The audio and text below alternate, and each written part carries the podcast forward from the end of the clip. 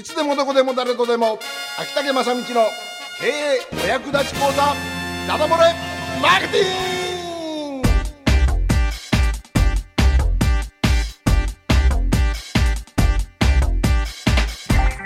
さあ時刻の方は6時を回りましてシーズン3に入ります今回から。これ長生きしてますねこのコーナー驚くべきことに非常に長生きしてますよ。やる側が驚いててどうするんですか？いつまで続くんやろうかって名前通り秋田県やめたみたいなことをそのうち言うんだろうというふうに予測されてましたがいや最近はでもねえ秋田県は10年ぐらい言わないんじゃないかっていう話で。ええそうなの？え あれ？とりあえずはい。えーそんな感じでございますので。はい、このコーナーですね、シーズン3はい。えーシーズン3ということで、えー最初がですね、シーズン1が、はい。えー小さな会社の地域密着型ブランドの作り方ということで、えーお送りしまして約13回、うん。で2回目が、えー結構ダマダ漏れ系になっちゃいましたけど、えーコピーライティングのセミナーということで、13回。約。うん。しました。で今回シーズン3ということでまあ今非常にですねやっぱり私が、えーいろいろな会社とお付き合いさせてもらう中で、えーこれ大切だよねと思うのがあのいや物語が欲しいよねっていうことを言われます。商品とか会社とかね、はいはい。えーその物語要するにストーリーですね。ストーリーというものについてちょっと、えー私なりの、えーことを語ってみようかなと思っているところでございます。うんまあ、具体的なですね、えーこうやればいいよというノウハウ系のものではありませんし、えーこういうふうに作ればいいんじゃないですかというような、えーあのものでもないんですがやっぱこのストーリーの威力というものがどのようにその販売促進とかうんマーケティングとかに絡んでくるのかということを、まあえー実例も多少交えながらやっていきたいなと思っている次第でございます。まあ、ストーリーと言いましても今ストーリーテリングといってですね、はい。えー昨日はあのー関門、えー海峡万博。のミーティングの中で、あミーティングで、あのーワールドカフェっていう手法でもって会議をやりましたが、そうですね。あのワールドカフェっていうのが非常にまあ世間的に流行ってて、ええ。要するに自由闊達な議論を巻き起こすとうん。いうことで参加意識も高まってうん 非常にいいということなんですがで皆さんにこう今度意見を伝えるときにえー自分の意見を伝えるときにストーリーを語りましょうっていうワールドカフェの手法を、えー指導している団体とか、まあ、コンサルタントさんとかは一緒にストーリーテリングっていうものを教えてたりするんですね。おー。いかに、えー語るか。で私が、えーストーリーとして言うのは主にツール類ちょっとしたパンフレットとかそれから、えーチラシとかに、文章として書き込むようなストーリーのあたりを重視するんですけれどももちろんストーリーといえばあのオバマ大統領の、えー演説はいはい。ですね。あの中にこうストーリーが入ってたりそれから最近ではあれですね、えーマックのほら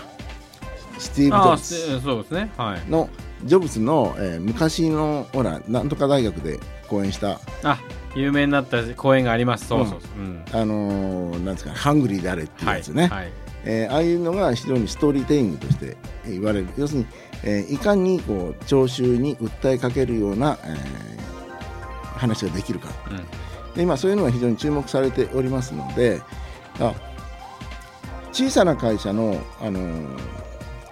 小さな会社の地域密着型ブランドうん。の作り方っていうシーズン1の時の話の中にですね、一番最初にミッションということをお伝えしたんですね。はい。ミッションを作りましょう。えでこのミッションを伝えるときにえ私たちはこのような会社を目指しますということなんですけど、えうん。え皆さんにこういうふうな生活をしてほしいという社会運動みたいなことをミッションと言うんですが、うん。このミッションをお伝えするのもこれワンセンテンスでなくてねストーリーを交えてえやる。うん。と非常に伝わりやすくなりますので、えーぜひあのどのようにストーリーを作ればいいのかまたストーリーの威力はっていうのをこのシーズン3では語って、えーお伝えできればなとう思ってます。ん。あと、えー口コミ、えー私お客様の声を集めましょうっていうのをはい。推奨してますが、えええーこれは口コミを生みますよっていうふうに、えーお伝えしてます、うん。でもなかなか数値で分かりづらいんですね分かりづらいんですがなぜそのお客様の声が、えー口コミを生むかと言いますと、えーお客様の声をいい悪い普通それから1点2点3点4点5点とかこういうふうな選択型じゃなくて作文用紙の感想文に変えますと、ほとんどの場合がですねお客様が、えーそのお店の一つのいいところ要す。味接客、えークリーンリネスうん。とか、えーサービスとか、えーそういうふうなですねあれもこれもじゃなくて例えばの味なら味。その味について深く掘り下げた、えー文章を書いてお客様が、えーお客様の声としてくださいます。うんで大概の場合そこにねあの物語がついてくるんですよ。はいはい先日、えー娘と2人で行きましたみたいなでとっても娘が好きなので私連れてられて行きましたけどもう娘の言う通りこれびっくりみたいな、えそういうような情景が浮かぶようはいはいなはい。お手紙が来るわけですね。えで実はこれストーリーなんですね。えうん。物語なんです。それはなんでそういうのが来るかというとそのお店にストーリーがあるからそのストーリーに反応してストーリーを返そうといううんうんうん。行動が出ましてえそのようなストーリーのやり取りをしてますと頭残りやすいですから。うん。えーその時口コミが広がりやすいんですね。この前娘と行ったんよねあのお店って。そしたら娘が勧めるけど結構美味しいじゃない？本当ねみたいな、うん。その口コミを伝える時に単に何々味の何々が美味しかったですよだけではなくて要するに娘の話ストーリーまで一緒に進む。進めていくだからおとぎ話とか例え話あおとぎ話とかそういうのがですね童話とかですね。なんでわざわざ童話とか、えーおとぎ話の形態をとっているのか。本当は人に迷惑をかけないいいことしましょうねって言ってるのがほとんどですよね。それが、えー手を変え品を変えいろんな形で童話として、えー語り継がれてくる。それはなぜかというとこれは口コミがしやすいですよね。後世に伝えやすい。うん。みんなに広げやすい。うんうん。聖書もそうですね。ああそうですね。はい聖書も代表的な事例ですね。うん。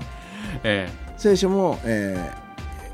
人に迷惑かけないように自分のを愛するがごとく人にを愛してあげなさいみたいな話だと思いますがそれをいろんなイエス・キリストが出てきたりいろんな登場人物が出て例え話も物語ストーリーとして書いてる。えうん。でだからこそ人は、えー口コミしやすいということですので、えーそういうですね、えー商売におけるストーリー物語というものを、えこのシーズンは、えお伝えしていきたいと思います。ちょっと抽象的なお話ばかりになる可能性がありますがぜひぜひですね、えご自分の会社商品あるいはご自分自身のストーリー作りに役に立てていただければと思います。このストーリーができればですね多分8割方8割方、えーブランディングの基礎ができたと言ってもいいぐらいに、ーえー威力のあるものだと思いますし、えーこれができますと、えーあとは本当にえーツールに乗っけて書いて、えーいろいろ配ったり、えーえー流したり、えー今もう自分のメディア、えー、Facebook とかそんなものでどんどん伝えていく作業だけになりますんでねぜひぜひ、えー活用してみてください。ということで、んえー秋田北正光のダダ漏れマーケティングでした。